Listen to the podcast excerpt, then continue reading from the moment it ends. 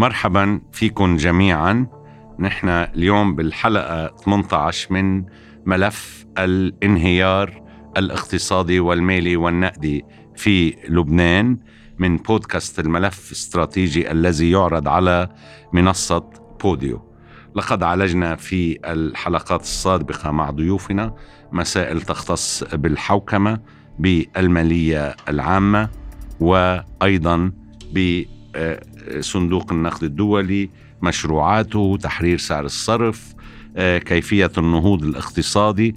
كل ذلك نحن قمنا بمعالجته في هذه السلسلة. يسعدنا اليوم أن نستضيف الدكتور أمين صالح وهو مدير المحاسبة العامة السابق في وزارة المالية اللبنانية ونقيب خبراء المحاسبة السابق ورئيس الهيئة الأهلية لمكافحة الفساد مدير المؤسسة اللبنانية للخدمة الضريبية عضو اتحاد المحاسبين العرب عضو جمعية الضرائب العربية زميل جمعية الضرائب المصرية عضو اتحاد الكتاب اللبنانيين وله العديد من الكتب والمؤلفات والمقالات هو ضيف خبير على العديد من الشاشات اللبنانية والعربية في شؤون المالية العامة والضرائب. مرحبا دكتور صالح. مرحبا فيك. يا أهلا وسهلا. رح نبلش بهالسلسلة من إنه نحن نحكي عن ماذا خلف الموازنة. يعني قبل ما نوصل لليوم شو عم بيصير هي فكرة الموازنة دكتور. شو خطورتها؟ شو خطورة إعداد الموازنة بالدول بشكل عام وثم بالدولة اللبنانية؟ الموازنة العامة للدولة ب... نحن بنعرفها موازنة الدولة. نعم. آه هي قاعدة بناء الدولة. هي قاعدة بناء الدولة. وهي آه في الأساس التاريخي لها هي انتزاع حق للشعب من الحاكم. يعني هي وضع قيود على تصرفات الحاكم في الأموال العامة. وبالتالي من أيام الحاكم نقصد الحكومة. الحكومة. نعم. الحكومة. نعم. وبالتالي الموازنة هي بالمعناها القانوني والرقابي هي إجازة هي إجازة من الشعب للحكومة للإنفاق من المال العام من الأموال العمومية والإجازة للحكومة جباية الضرائب والرسوم التي يستلزمها الإنفاق العام. هذا الإنفاق. هذا الإنفاق. والإنفاق العام هو الإنفاق على إدارة شؤون المجتمع يعني على قدرة الدولة للقيام بوظائفها المحددة لها الوظائف الدفاعية والأمنية والعدلية والشؤون الاجتماعية. وبالتالي لم يعد الحكومات أو الحاكم آه، حرا في جباية الضرائب من الشعب وفي إنفاق هذه الضرائب على هواه. بل أصبح مقيدا. من هنا نفهم الموازنة بقسميها. قسم مخصص للنفقات وقسم مخصص للواردات.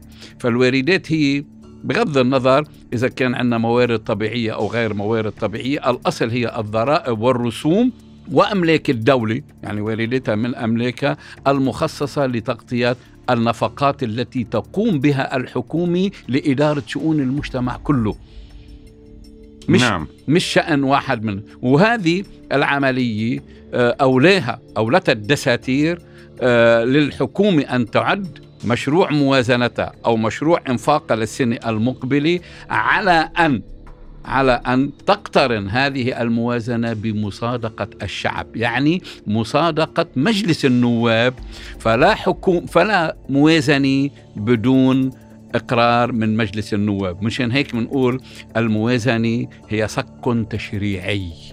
نعم. المعنى القانوني، يعني صك تعتمده الحكومة ويشرعه المجلس النواب السلطة التشريعية. وتجاز وتقدر بهذه الموازنة مقدار النفقات العمومية والواردات العمومية لسنة مقبلة وتجاز بموجبه يعني مجلس النواب يعطي الحكومة الإجازة لها بجباية الضرائب والإنفاق الأموال العمومية. قبل ما ندخل بتفاصيل السلسلة م. خلينا نكمل بالتعريف نعم. في الموازنة وفي قطع الحساب. م. شو هو قطع الحساب وشو أهميته؟ رح نبسطها. بعدنا عم نحكي بشكل عام. رح ما نبسطها دخلنا على لبنان. لا لا ما دخلنا. بنبسطها. بنبسطها. قطع الحساب هو الموازنة الفعلية التي نفذت نعم. يعني أنا بيجي بقول أنا عندي موازنة. هالموازنة هي عبارة عن أموال مخصصة لنفقات محددة. وهي عبارة عن واردات من مصادر معينة. فقطع الحساب هو بيجي بيقلنا ماذا حدث خلال هذه السنة. يعني ما هي المبالغ الحقيقية التي أنفقتها الحكومة من الاعتمادات وما هي المبالغ الحقيقية التي حصلتها الحكومة من الناس كضرائب ورسوم يعني هي الميزانية الفعلية التي نفذت. نعم. وهون تختلف. هذه الميزانية أو قطع الحساب عن الموازنة. الموازنة تقديرات في نعم. النفقات والواردات. قطع الحساب هو ما هو النفقات الحقيقية وهو الواردات الحقيقية. حسنا. في فروقات جوهرية لازم يطلع يعني بين تقدير الموازنة وقطع الحساب. من آه، بين- بالنظرية. بالنظرية. المفروض أن تكون الفروقات بسيطة جدا وهذه بترجع إلى قدرة من يعد الموازنة على إعداد التقديرات بطريقة سليمة على التنبؤ بالمستقبل وعلى التحديد الدقيق للنفقات والواردات. وهذه بالظروف العادية بظروف الاستقرار الاقتصادي والنقدي تقريبا الفروقات هي شيء بسيط. أما في ظروف عدم الاستقرار تحصل هناك فروقات كبيرة. لأنه يعني في حالة تدهور مثلا أسعار صرف العملة في حالة التضخم زيادة الأسعار يبدو يصبح هناك فروقات بين تقديرات الموازنة وبين ما حصل فعليا. بعد عنا دقيقتين بهالحلقة. مم. هل ممكن يكون في عمل مقصود لخلق فروقات ما بين الموازنة وقطع الحساب؟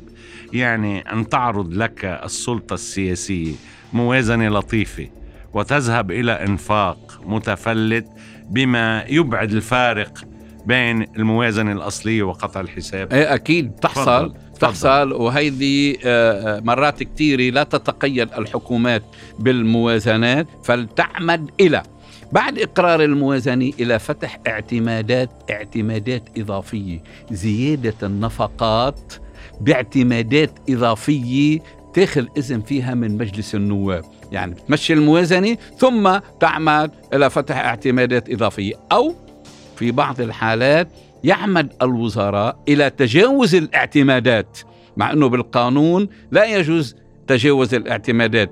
لا تنقد نفقة لا تعقد نفقة بدون اعتمادات. ولكن اللي حصل اللي حصل مثلا في لبنان أنه صرفت الحكومات م- أم- أموال عمومية وجبت ضرائب من سنة 2006 لغاية 17 تشرين الأول. رح نوصل له. أه. رح نوصل له. أنا بشكرك على هذه الحلقة التعريفية بالموازنة وقطع الحساب ونلتقي في حلقة أخرى مع الدكتور أمين صالح. أهلا فيك.